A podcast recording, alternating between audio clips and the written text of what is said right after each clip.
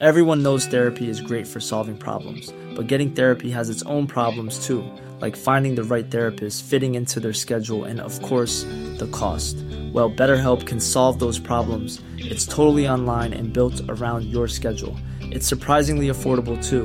Connect with a credentialed therapist by phone, video, or online chat, all from the comfort of your home. Visit betterhelp.com to learn more and save 10% on your first month. That's BetterHelp, H E L P. Burrow's furniture is built for the way you live.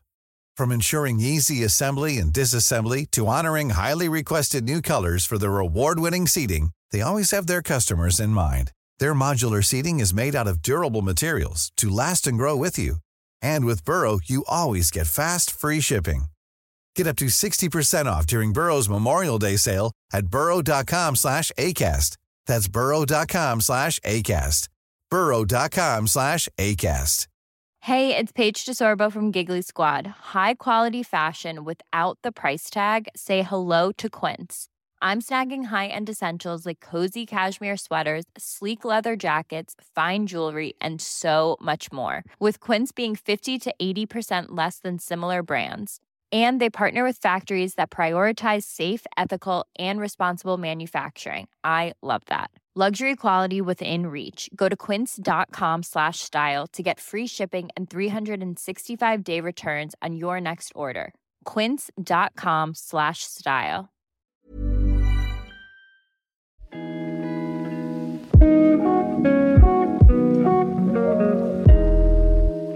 Så vi har jo et ganske eh, greit hårete mål, som eh, selvfølgelig kommer fra Kristina. Det er jo 1000 timer ute med familien. Hvor mange ganger vi har stoppet opp på en onsdag og skjønt alt vi har glemt eh, i skolesammenheng siden mandag. Mitt navn er Johanna Hundvin Almelid. I en del år har relasjoner, ekteskap og samliv vært eh, tema som har opptatt meg som journalist i Dagen. I en miniserie vil jeg intervjue profilerte personer som har kjent på at relasjonen ble utfordret. Og ved å komme litt tettere på, er mitt håp at vi kan lære noe også om oss sjøl og våre egne relasjoner. Dette er første episode av podkasten I gode og onde dager.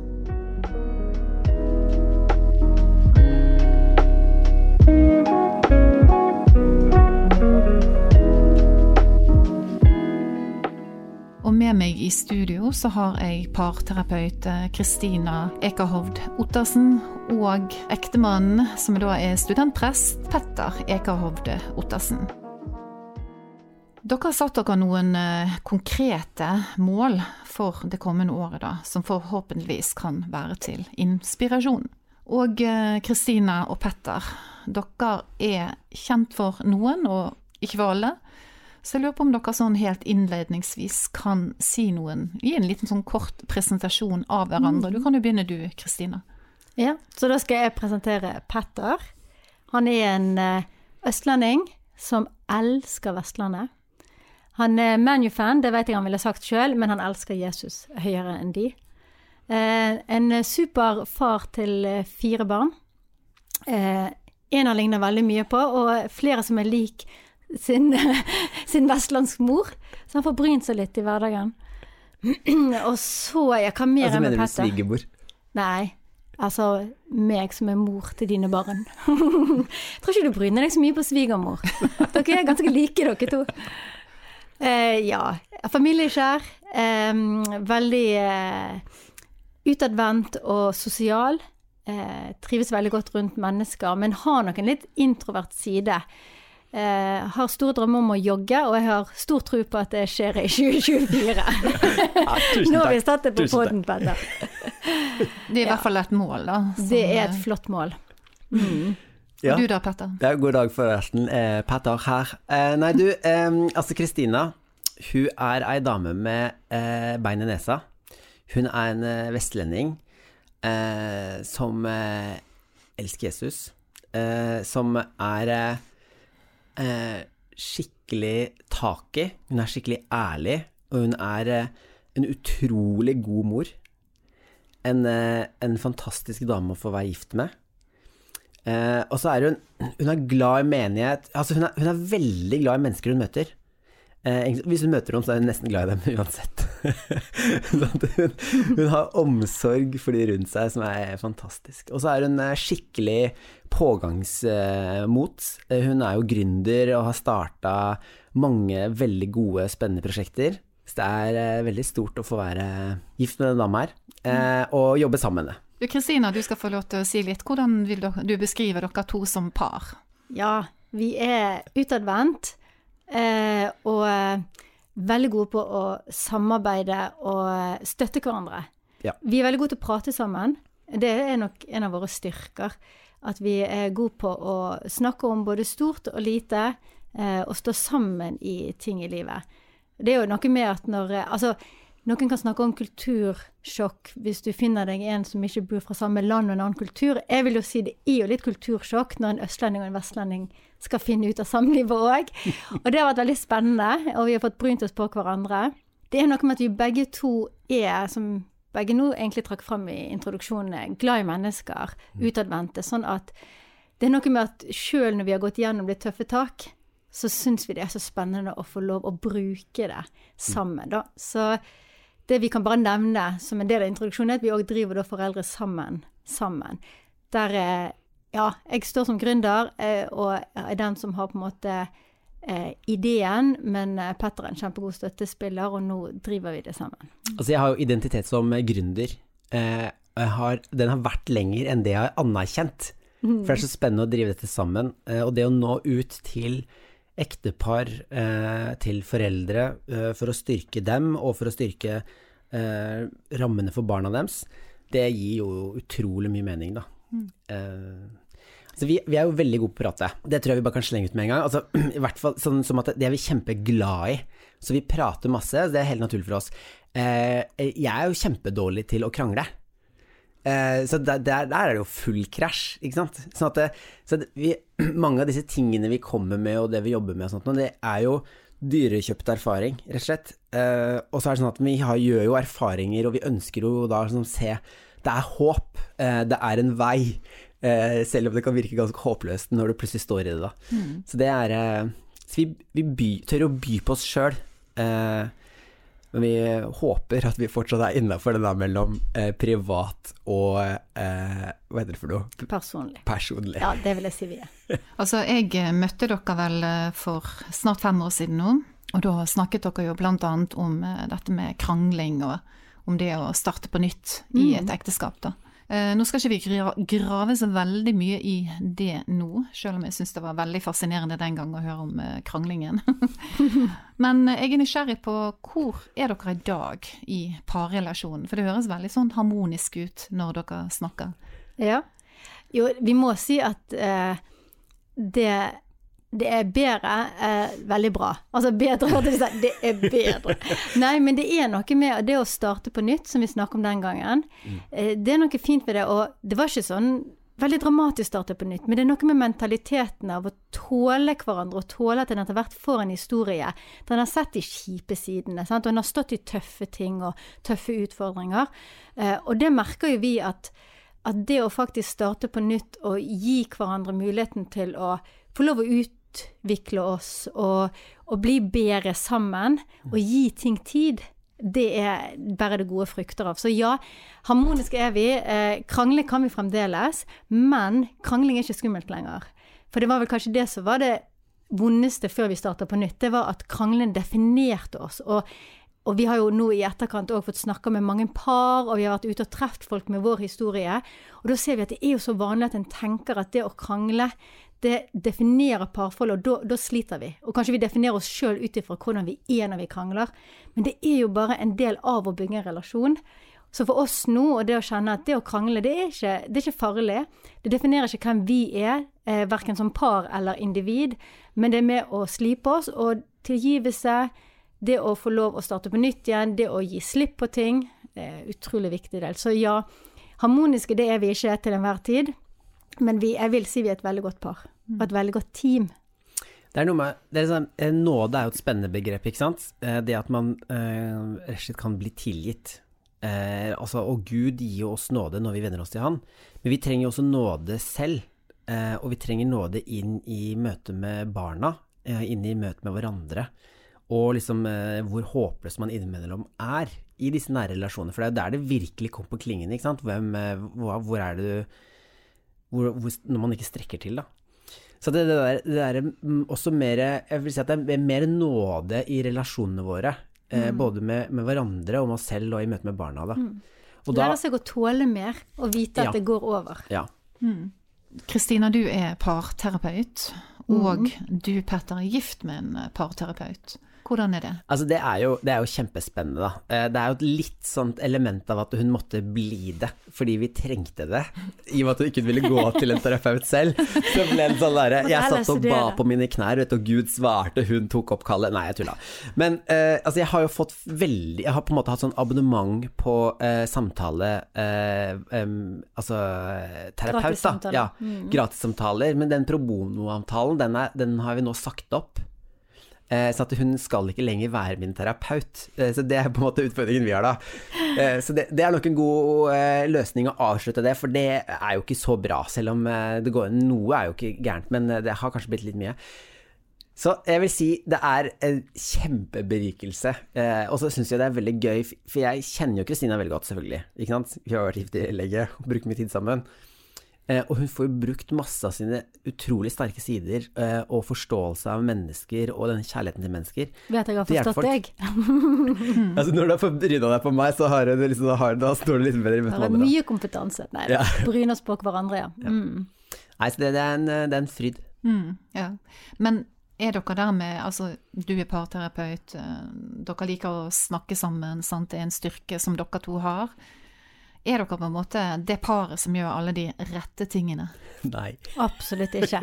Og det er jo akkurat derfor jeg tenker vi eh, kan formidle noe som eh, treffer og hjelper andre. Eh, vi opplever jo når vi har foredrag og er ute og treffer folk, at når vi bruker oss sjøl, eh, at ikke vi har bare lest opp, oss opp i en bok og eh, ikke har erfaring av at det der er ikke bare å snu på ei fjøl og gjøre alle de riktige tingene, så funker det. Men at det faktisk ofte går dypere, at relasjoner er tøffe, det er mye å bryne seg på.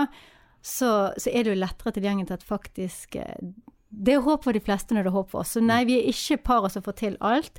Men vi er nok paret som virkelig ønsker da, å jobbe med de tingene som er kjipt.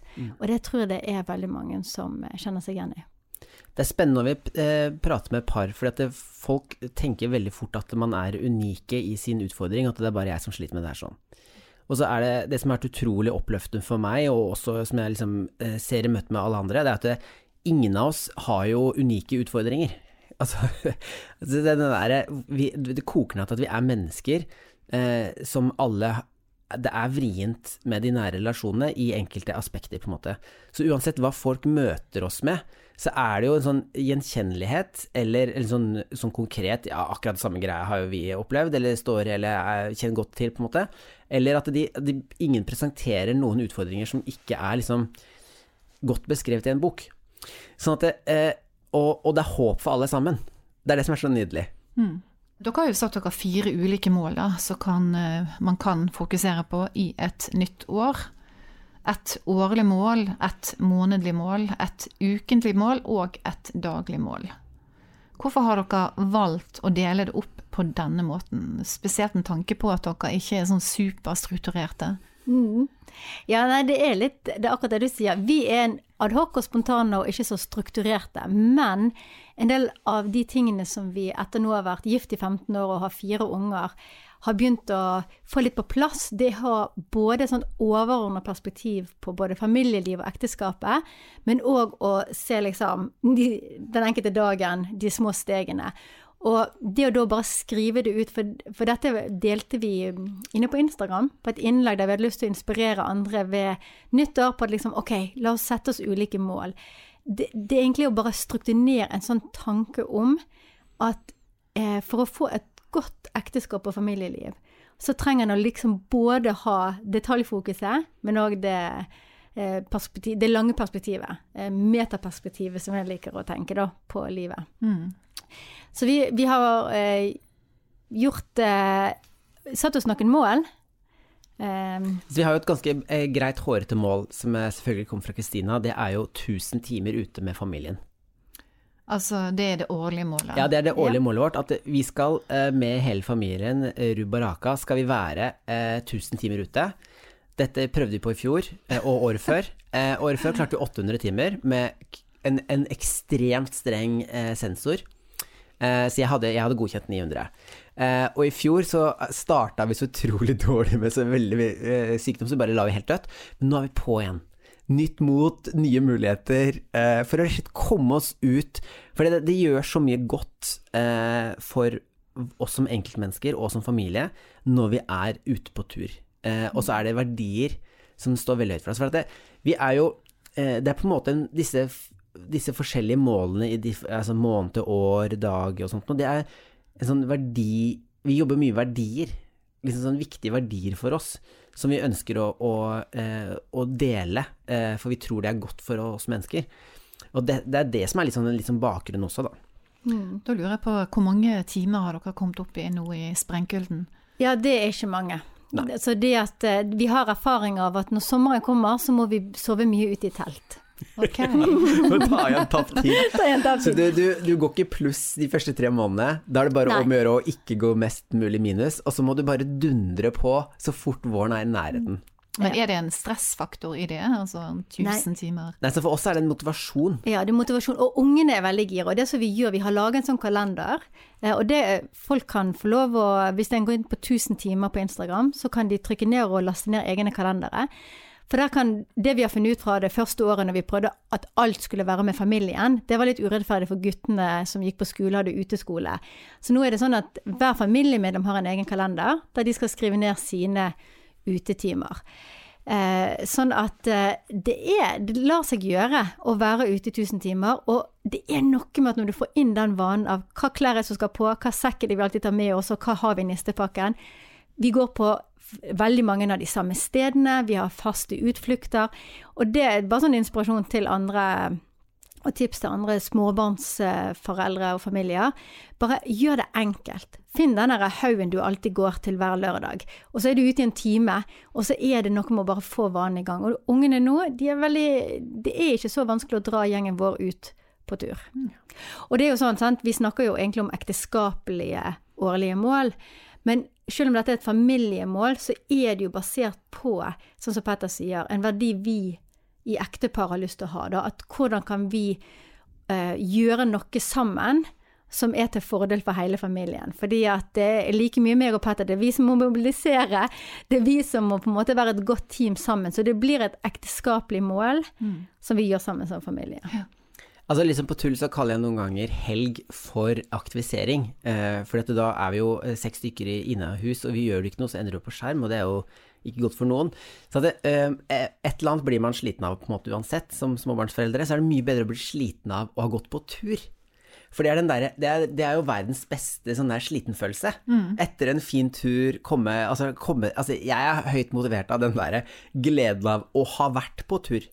Eh, og når du er på tur, Uh, med mindre ikke alt havarerer i en sånn eh, følelsesfest og ingen går noen steder, så er det jo fantastisk. Mm. Mm. Eller i hvert fall skikkelig, skikkelig ålreit. Mm. Men den beste følelsen er etterpå, eller? Nei, det er jo ikke det. Men når du, når du sitter inne, så kan du, da er det lettere å kjenne Å, det blir så godt å komme hjem igjen. Og når du er der ute, så er det Å, dette er jo livet. Tenk at vi kan gå her på fjellet, ikke sant. Og så begynner Da må jeg passe meg ikke begynne å prate sånne der, ting som ikke interesserer noen, da. Men det skal jeg klare å holde i sjakk. Men eh, så har dere da eh, tips til å jobbe Nei, skal vi se her. Det var Dere har et månedlig mål, da. Et prosjekt. Mm. Felles prosjekt. Ja. Det å liksom ha en ting som en gjør sammen som par. Um, og det handler jo om, som vi kommer mer og ned, at vi hele tiden stripper det ned til dette å være connecta med hverandre, være kobla på hverandre. Og nå snakker vi jo spesielt da til eh, ektepar med barn, sant, som gjør at hverdagen er veldig hektisk, og den kan være hektisk uten barn òg. Men det er noe med at du har behov rundt deg hele tiden, og du blir veldig fort en mamma og en pappa som må samarbeide. Så det er et månedlig fokus på at på en eller annen måte så har vi noe vi gjør sammen som er bare par. Eh, det tror jeg er viktig å få på plass. Og av, dette er en av de tingene som vi må sette oss ned og prøve å planlegge. For hvis ikke så går bare hverdagen. Og så er det gått måneder uten at det har vært noen form for um, treffpunkt mellom meg og Petter som egentlig bare handler om å være meg og Petter. Vi er så heldige nå at i fjor så begynte vi å reise rundt en del og ha foredrag, og vi elsker å gjøre det sammen. Så selv om det er jobb, så er jo det ved siden av din jobb, eh, så er det jo noe vi gjør sammen. Eh, og for andre så kan det være å lage god mat en gang i måneden, eller ha en fjelltur, eller uh, få barnevakt så en kan gå ut på en date. Bare et eller annet som gjør at vi midt i hverdagen, uten at det skal koste for mye logistikk, for det er krevende i seg sjøl, får lov å være connected som ektepar. Så det kan være ulike prosjekt fra måned til måned, da? Ja, det kan det òg være. Og kanskje en kan sette seg ned helt i starten av en måned og si ok, hva har vi lyst til å gjøre denne måneden? Hva kan vi se fram til? Hva må vi spørre om barnevakt, eller hva må vi planlegge? Eh, og det handler bare om det der å minne hverandre på at vi kan Vi er også to òg midt oppi dette familielivet. Mm. Så dagene fyker, ikke sant. Det der å oppleve en eller annen ting, en eller annen ny ting sammen, mm. det har en veldig høy egenverdi, da. Mm. Men uh, du nevner et prosjekt, sant? og så nevner du det at, det at dere to rundt og holder foredrag sammen. Hva, ja, hvilke, hva gir det dere inn i parforholdet, det å kunne jobbe sammen og stå framme og fortelle og dele om livet til eh, Ja. Det gir oss enormt mye. Og det handler nok både det at vi begge to er formidlere og liker det å kunne gi videre. Når, nok, når vi liksom har opplevd at liksom, åh, dette hjalp oss, så begge to, og spesielt det klør i fingrene, hvordan kan jeg enten skrive eller dele dette videre på en måte. Eh, men så er det noe med akkurat det som Petter sier, det å se hverandre i en annen setting. For det å se Petter uh, stå og, og dele, eller, og vi har en ganske god kjemi. Eh, Petter kan bli, nesten bli litt sånn standup-komiker når vi uh, står ute og har foredrag sammen. At det blir veldig god stemning. Vi, der gjør vi hverandre gode, da. Ja. Det er kanskje det, det, området vi gjør hverandre best. og da, da, er det noe med det der å se hverandre utenfor familiesettingen. Mm. Sånn at det kan jo være en absolutt ikke, absolutt ikke for alle å ha et sånt sånn type prosjekt sammen, men hvis du kan finne et eller annet som gjør at du ser ektefellen din i et litt annen setting Altså, hvis ingen av dere klatrer, begynn å klatre. Gå på klatrekurs. Gå i Strilasaunaen, for deg som bor i Øygarden, litt reklame der. Liksom, gjør et eller annet som er utenom det dere vanligvis gjør, så tror jeg det beriker parforholdet. Ja. Mm. Du skriver jo eh, om dette her med å ha en ukentlig touchdown. Eh, hva i all verden vil det si? Altså hvis tatt, Jeg har tenkt litt på det uttrykket, på om det egentlig er det. Eh, men det, det, vi kaller det i hvert fall touchdown. Men for oss er det liksom sånn Noen bruker jo uttrykket 'en fot i bakken'. Altså at man stopper opp, og så connecter man. Ikke sant? Det er noe med å eh, være Så sett Altså, dagen kan fly av gårde, og så bruker man ikke tid på tingene. Men hvis man stopper opp, så kan man da connecte, da. Ha en touchdown. Eh, hva er det som står til, hva er det som rører seg? Eh, at vi bare gir hverandre rom til å, å, dele der vi er, og det vi trenger å sette ord på. Eh, så det handler om å, det handler om å, egentlig, å bygge dette vi-et, da. For det er lett å være individualister som bare dundrer på med sine greier. Men altså stoppe opp, koble seg på, eh, og sammen så er vi jo mye sterkere. Eh, både for hverdag og for, for, ungene, for å se de og for å eh, Ja, det er, det er, så mange ting som går hus forbi for meg. Mm. Eh, så hvis jeg ikke stopper opp, så hadde jo jeg bare dura videre med et eller annet rart og sett på ManU, jeg. Ja. Men hvis jeg stopper opp eh, og, og, liksom synker litt da, med Kristina, da kan vi begynne, da, da tenker vi, og da er det mye lettere å være på og til stede, da. Kanskje du bare tar én situasjon, altså du stopper opp, du synker med Kristina. Hva, hva, kan være en sånn situasjon? Jeg har et godt forslag, og det er hvor mange ganger vi har stoppet opp på en onsdag og skjønt alt vi har glemt eh, i skolesammenheng siden mandag. liksom, apropos det at vi ikke er så strukturerte og veldig sånn adhoc, så er jo det at vi Det er jo en energilekkasje inn i en familie, og inn i ekteskapet òg, når en gang på gang kjenner sånn Nei, fella, var det, var det turdag i dag? Sant? Og vi har jo ikke vintersko, det er begynt å snø ute. Um, eller uh, lekselesing der uh, en er fortvila, for det skal jo testes i morgen, og vi har glemt å lese med han fra mandag. Uh, og det har nok framprovosert at vi må ha en touchdown, fordi at vi ser at det er én ting at disse tingene må jo være på plass for barna sin skyld, men det andre er den energilekkasjen og den gnagingen det blir i familielivet, da. Hvis en ikke har en eller annen sånn ukentlig minst, og vi må ha det litt oftere for å bare være à jour. med fire unger og litt mange prosjekter for egen del òg. Men blant annet det kanskje det at vi har begynt å, å, å, se at søndag, da må vi ha litt oversikt. Jeg har skaffa julegaven til Petter i år. Det var en sånn ukeplan, så hver uke kan han nå snu et nytt ark, og så var det sånn Hva skal det mandag, tirsdag, onsdag, torsdag? For det er noe med at alt er på telefonen. Det er ikke alltid en går inn på kalenderen. Var det en god gave, Altså, Petter? Altså, jeg hadde Hvordan opplevdes, veldig- hvordan opplevdes det å få den Ja, det gaven? det Her, ta det det her på det podden. det Det er jo det er jo sånn dobbel klangbunn, på en måte, i den gaven. Eh, eh, Ser du ikke kjærligheten bak? Jo, det er det jeg gjør, men så samtidig så er jeg bare sånn mm, Jeg må ta tak i meg selv. Så jeg, jeg hadde store planer med å ta den fram i går, men det kokte bort i kål. Eh, så det, det, den For dette må må vi være to om. Ja, det, det, eh, ja nei, men det, dette må Jeg må eie dette prosjektet, på en måte, for det, da det har noe for seg. Eh, så, så, forventningsavklaring, det er et fantastisk ord. Altså, i relasjoner, å ha forventningsavklaring, det er bare Det er så nyttig. Eh, de gangene jeg eh, må tidligere på jobb, eller seinere på jobb, eller har et eller annet prosjekt, ikke sant, altså en, av, et eller annet, en eller annen kveld, og hvis du da kommer sammen Du, eh, forresten, jeg kommer ikke hjem i dag. Ikke sant? Bare sånn kilde til håpløst. Det, det, jeg tror mange av dere kan kjenne igjen det. Men når man har denne touchdown, når man har liksom fot i bakken, eller man har denne forventningsavklaringen, eller bare sånn Man melder inn det, her, har, eh, her er det noe avvik. Jeg skal et eller annet. Det, da kan man jo forholde seg til det. Da kan man jo stille seg inn, forberede seg, legge noen gode planer. liksom sånn, eh, Har du mulighet, hanke inn en svigermor, ikke sant, eller et eller annet sånt noe.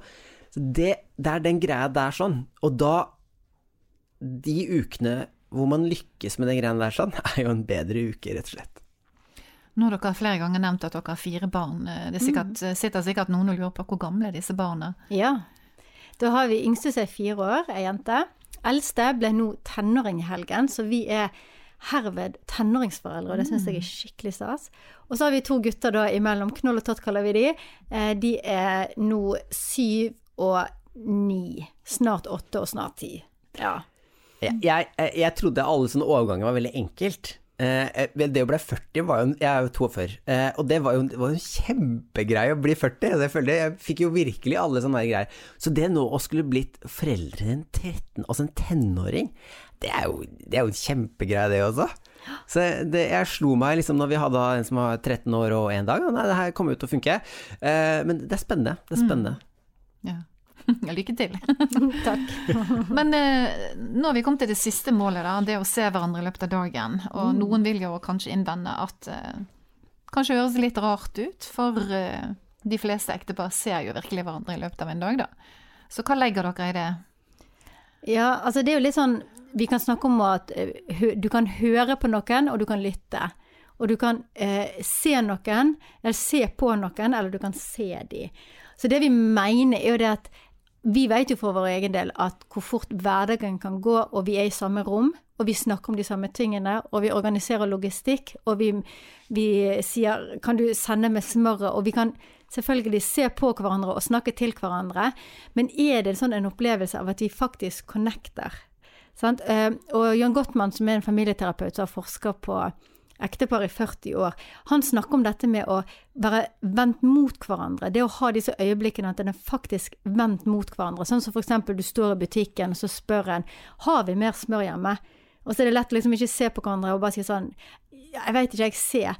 Eller, eller ikke, du kan ikke se når du står på butikken, da. Men at liksom Nei, jeg veit ikke, jeg. Eller faktisk det å si sånn Vende seg mot hverandre og møte det enkle, hverdagslige spørsmålet med liksom Jeg er ikke helt sikker, eh, kanskje vi skulle kjøpt dette likevel. Og jeg, når vi snakker med par som på en måte har satt seg litt fast i sånn negative mønster, så ser vi at av og til så må vi rygge litt tilbake, og så kan vi på en eller annen måte begynne å connecte igjen på de enkle måtene. Det var faktisk alltid, hvis en kommer inn i rommet, så sier en hei eller god morgen, eller når en skal gå et sted, connecte og bare si du, jeg stikker bare ned i garasjen, eller Takk, nei, takk for i dag. Det er ikke det du sier når du går på jobb, men liksom eh, Ha det bra, vi ses klokken fire. Og da mener jeg klokken fire, ikke fem over fire. Nei, nei, men så det er de der enkle tingene vi snakker om av å ikke bare være sammen, men faktisk på en eller annen måte, da. Ha sånn at en faktisk eh, enten har gitt hverandre en klem, eh, spurt hvordan dagen er. Eh, ja. Mm. Men hva skal til for din del da, for at du skal oppleve at du blir sett? Og jeg trenger å bli lyttet til. jeg er veldig glad i å prate, er veldig glad i å bli lytta til av Petter. Han er en fantastisk lytter. Eh, Men det er òg disse små tingene av at en ikke står aleine om eh, å møte behovene til ungene. Det er kanskje for min del da, fordi at jeg er så på. Jeg er den mammaen som er veldig på eh, på ungene. Eh, og det å oppleve at Petter òg får med seg eh, rett før det smeller mellom den og den i familien vi vet det lett kan smelle mellom i femtiden, eh, eller er liksom der når melkeglasset velter. Eh, og det er rart, det er, det er ikke meg han ser, men han er, me- hjelper meg i å se det som skjer rundt oss. At vi er to, da, Ja, om dette, to. dette prosjektet. At det er liksom vi som eh, passer på disse barna. At ikke bare far sitter der, eller mor sitter der og egentlig zoomer litt ut, da. Og, og noe med det her med å se hverandre. Så det er veldig lett å sitte eh, Altså, alle har enten lagt seg, eller alle har stikket av, eller alle er ikke der, eh, av barn og andre. Og så sitter man og ser. Men man ser på mobilen, ikke sant, og forsvinner inn i den verden der. Sånn, da kan jo både kvarterene og halvtimene og timene fly. Men det er noe med å legge bort disse tingene, eh, altså se hverandre. Ja, det er veldig sant. Altså det hvis telefonen blir lagt vekk, det i seg sjøl får en til å føle seg sett. At hvis en sier du, eh, jeg har bare en tanke i dag, eller vet hva som skjedde i dag. Og det å se at eh, ektefellen din da faktisk legger vekk telefonen, ikke bare ser opp fra telefonen. Den lille der, selv om kanskje noen eh, nå skal ikke jeg generalisere for mye, men noen menn, eh, helt sånn hypotetisk sett, er redd for at ok, nå får jeg ikke tatt den telefonen opp igjen før om en time. Så går jo det an å kommunisere det òg etter hvert. At liksom, men eh, nå har jeg lyst til å koble av litt med litt menu på TV. Men det å faktisk bare vise nå har du min oppmerksomhet, den er jo kjempefin. Men du, du Petter, hvordan, eh, hva er det som gjør at du opplever at du blir sett? At du får lov til å sitte og se på menu en times tid, kanskje? Ja, altså det går jo fort to timer når jeg ser på en kamp. Eh, Så det, det, er noe med, nei, det er noe med at, at vi eh, Når vi setter oss ned, eh, og vi snakker sammen, eh, og, og lytter på hverandre, eh, at vi eh, da, da kommer det veldig opp Altså både er det spennende samtaler, eh, og at det er liksom sånn innblikk i og at vi deler liv, og at vi liksom styrker det til vi og alle sånne ting. Men det er også, det, det er, det er også de samtalene der hvor vi, hvor vi begynner å, å prate om det som virkelig betyr oss. Liksom? Barna, eh, eh, troa vår, menigheten, altså Jesus. Disse tingene hvor du liksom hvor, vi, hvor du hvor du kommer samtaler eh, hvor vi, vi går liksom litt dypere, litt lenger. Det er ikke bare her oppe. Så det, det derre Altså, jeg sliter med å legge meg, da, for jeg syns det er så ålreit med kvelden når alle andre har sovna. Så det er noe med liksom den connection eh, og, og em, ha tid til hverandre, da. Ja, det blir jo sånn å tilhøre hverandre i å dele litt det en går og tenker på, da. Ja. Um, men jeg vil jo òg tro for deg, Petter, det å få positiv tilbakemelding. Altså, jeg elsker jo det, selvfølgelig. Eh, Så jeg skjønner ikke at ikke alle gjør det, men eh, Men noen blomstrer mer enn andre idet det kommer. ja, nok, eh, det, det slår nok sjelden feil, det. Og det er òg et tips til folk med bare daglig. Det å sette ord på en ting og bare sånn Du, jeg så hvordan du håndterte den situasjonen i stad. Skikkelig flott. Eller åh, du takk, jeg så, jeg så du hadde satt på strøm på bilen. Mm. det setter jeg veldig pris på. Det var flinkere da, til å si de tingene en ser. Det er òg en måte å se hverandre på. Altså, jeg merker jeg blir jo glad bare du kommer med eksemplene, selv om de er til meg. Ja. selv om det er til Du meg vet så- at det var rett mot deg. ja, jeg vet det var rett mot meg. Så det, ikke, det er noe med den derre Når man har samtale, så kan man jo rett og slett også snakke til hverandre, ikke sant, og løfte hverandre opp. Fordi det er nok av sånn, sånn der 'huska du ikke den', eller 'fikk du ikke til den'? De kommer av seg sjøl. De trenger man ikke å jobbe og planlegge inn, eh, for de fleste, da. Men eh, det derre å anerkjenne hverandre, stå sammen, det er, det er helt nydelig. Altså, nå kan det jo være noen som lytter, og som ikke har det så bra i ekteskapet, og som opplever at eh, det som Ja, ganske sånn urealistisk da, å sette seg sånne mål for eh, 2024. Eh, dere sjøl har jo vært på et annet eh, sted i livet, og eh, du, Petter, foreslo jo flere ganger at dere kunne gå i parterapi, men det ville ikke Kristina.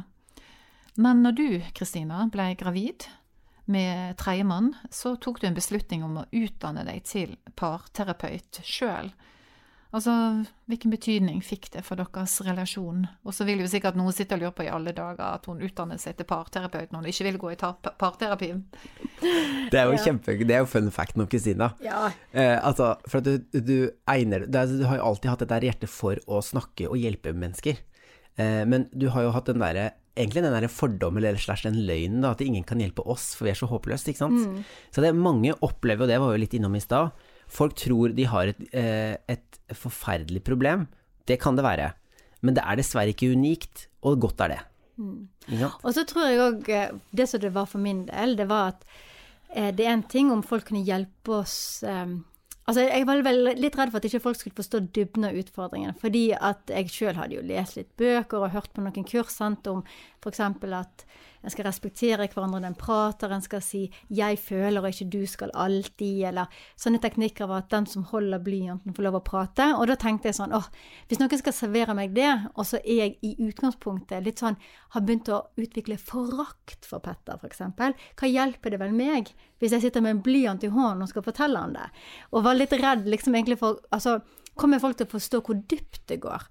Um, og det er jo det som jeg kanskje kjente når da Grunnen til at jeg tok studiet, er jo ja, fordi jeg er veldig interessert og fascinert av relasjoner, og jeg har tro på samtalen, selv om ikke jeg hadde tro på det for oss.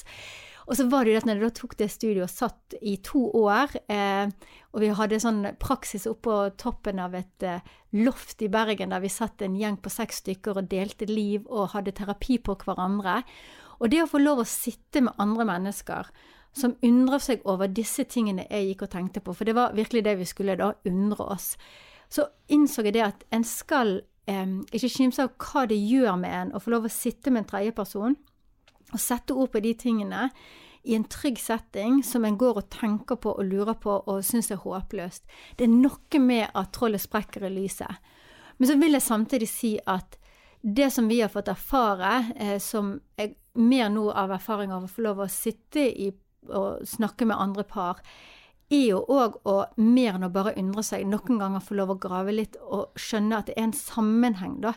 At ofte så handler det ikke om hvordan jeg snakker til hverandre, men jeg må gå litt bak og si hva er det som gjør at en har behov for å snakke på den måten.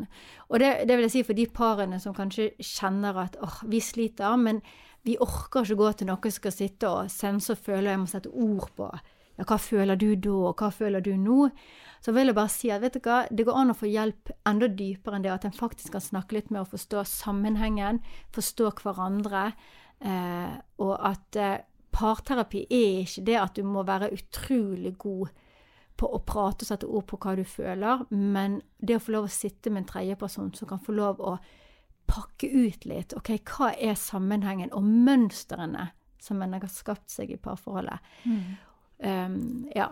Så eh, når det er håp for oss, pleier vi å si, så er det håp for de fleste. Fordi eh, kan, en kan sette seg skikkelig fast i noen kranglemønstre, men det er der en faktisk eh, Det fins hjelp. Dere er jo begge kristne. Um, hvilken eh, ressurs har det vært for dere da i parforholdet, eller kanskje hvilken forskjell har det utgjort? Mm. Livet vårt er sånn at vi har jo alltid levd med Jesus. Vi vet jo egentlig ikke hvordan det er å være uten. Eh, men Jesus er jo eh, med i alt, og det er jo han som alltid lytter, alltid er tilgjengelig. Eh, og hvor mange ganger vi opplever hver for oss også sammen at når vi venner oss til han, når vi ber, når vi fyller oss med, med hans ord i Bibelen, så, så leverer han alltid, for han, han, er der alltid. Fordi at, ja, vi har alltid, begge to har alltid levd eh, med en sterk tro, og de har hatt med oss Jesus i alt. Men jeg tror når vi begynte å møte utfordringer i ekteskapet, så var det spesielt for min del sånn ta tak i det for egen del, og desperat si kjære Gud, hjelp meg, men jeg jobber og jobber for egen del. Og så blir det et veldig fokus på å endre hverandre, endre seg sjøl, endre den andre til det å faktisk vendepunktet kom når vi skjønte at vet du hva, jeg må bruke tid med Jesus. Altså, hvis, hvis mitt kall over mitt liv er å bli mer lik han, selvfølgelig brukes ekteskapet til å slipes. Og da må det være perspektivet når vi står og stamper i ting i ekteskapet. At ok, istedenfor å tenke åh, du får fram det verste i meg, så jeg tenker sånn ok, her kommer opp noe av det verste i meg. Ok, Gud, hva gjør jeg med dette? Og da er det det som du sa i stad, det må ha et nådeperspektiv inn i ekteskapet av å si ok, vi er begge syndere. Når jeg ser denne siden i Petter, eller, eller opplever denne siden i meg sjøl, det å se at ok, nå skal jeg få lov å ta et oppgjør med dette i eget liv, og gi det til Jesus. Og at det handler om ikke først og fremst meg og Petter, selv men det kommer opp i vår relasjon, så handler det om hva Gud vil vise meg som jeg må ta tak i mitt eget liv, eller at jeg ser at oi, nå kommer det opp ting i Petters liv, og jeg må ha en raushet da og en forståelse for at det kommer opp som noe han skal få ta tak i i sitt liv, men det er mellom han og Gud. Og så tror jeg òg at det blir praktisk, så var det jo det at for oss er ekteskapet da så hellig at sjøl når det sto så på og det var så håpløst, så var det ikke noe vi ville gi opp, fordi ekteskapet var ikke bare et løfte mellom meg og deg, men det er jo òg et løfte til Gud. Og det har nok gjort at vi har tørt å stå i en del stormer der det er ikke en bakdør. Det er liksom ikke sånn ja, fram til dette, eller hvis det ikke det ordner seg innen to måneder, da er jeg ute døren. For det var, det har for oss vært litt av utfordringer, selvfølgelig. Vi må jo si det at det finnes jo utfordringer i ektepar der en kanskje ikke det er Altså, det kan være psykisk sykdom, eller hvis det er vold. altså sant, Det må en jo bare si med en gang. Jeg skal ikke si at det er håp for alle. Når, vi, når en står i sånne situasjoner, må en få hjelp. Men for oss så har det jo aldri vært sånne ting. Og da har det vært sånn, selv om det har vært aldri så kostbart, og det har vært så håpløst, så er det sånn Den døren bak tårnet er ikke åpen. Og det er fordi ekteskapet for oss er òg et løfte for Gud. Men det har da vært redningen.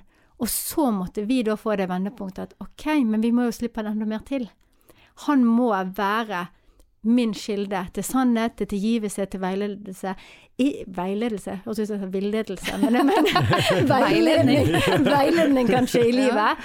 Og at det er ikke min oppgave å endre Petter til å få det ekteskapet jeg vil. Jeg må gå til Gud. Og det der at vi ber for hverandre, at vi har blitt flinkere til det og er mer trofast i det, det ser vi òg frukter av. Troen er utrolig viktig for oss. Altså, vi er alle er på en eller annen vandring av vi som tror på Jesus, ikke sant? Alle er på en eller annen vandring gjennom livet.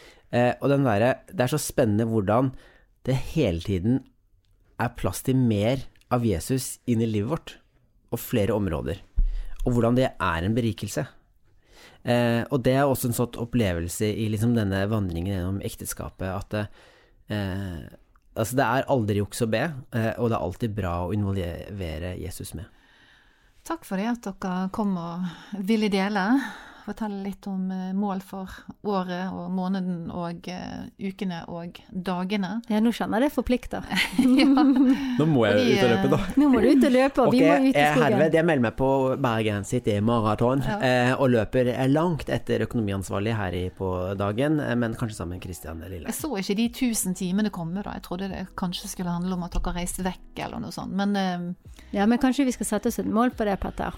Ja, har all, jeg har alltid et mål om å mm-hmm. reise bort sammen med deg. Ja. det, vi kan det, håpe, det, kjære ja. Hvis det er noen uh, besteforeldre som lytter, så har vi et ønske. La oss håpe det. La oss håpe og be. Ja. Yes, Da har du hørt på Kristina Ekerhovd Ottersen og eh, Petter Ekerhovd Ottersen, som har vært gift i hvor mange år? Vi tror det er 15. Ja, vi tror det er 15. Og eh, jeg som har sittet og snakket med de, Johanna Hundvin Almeli, journalist i Dagen.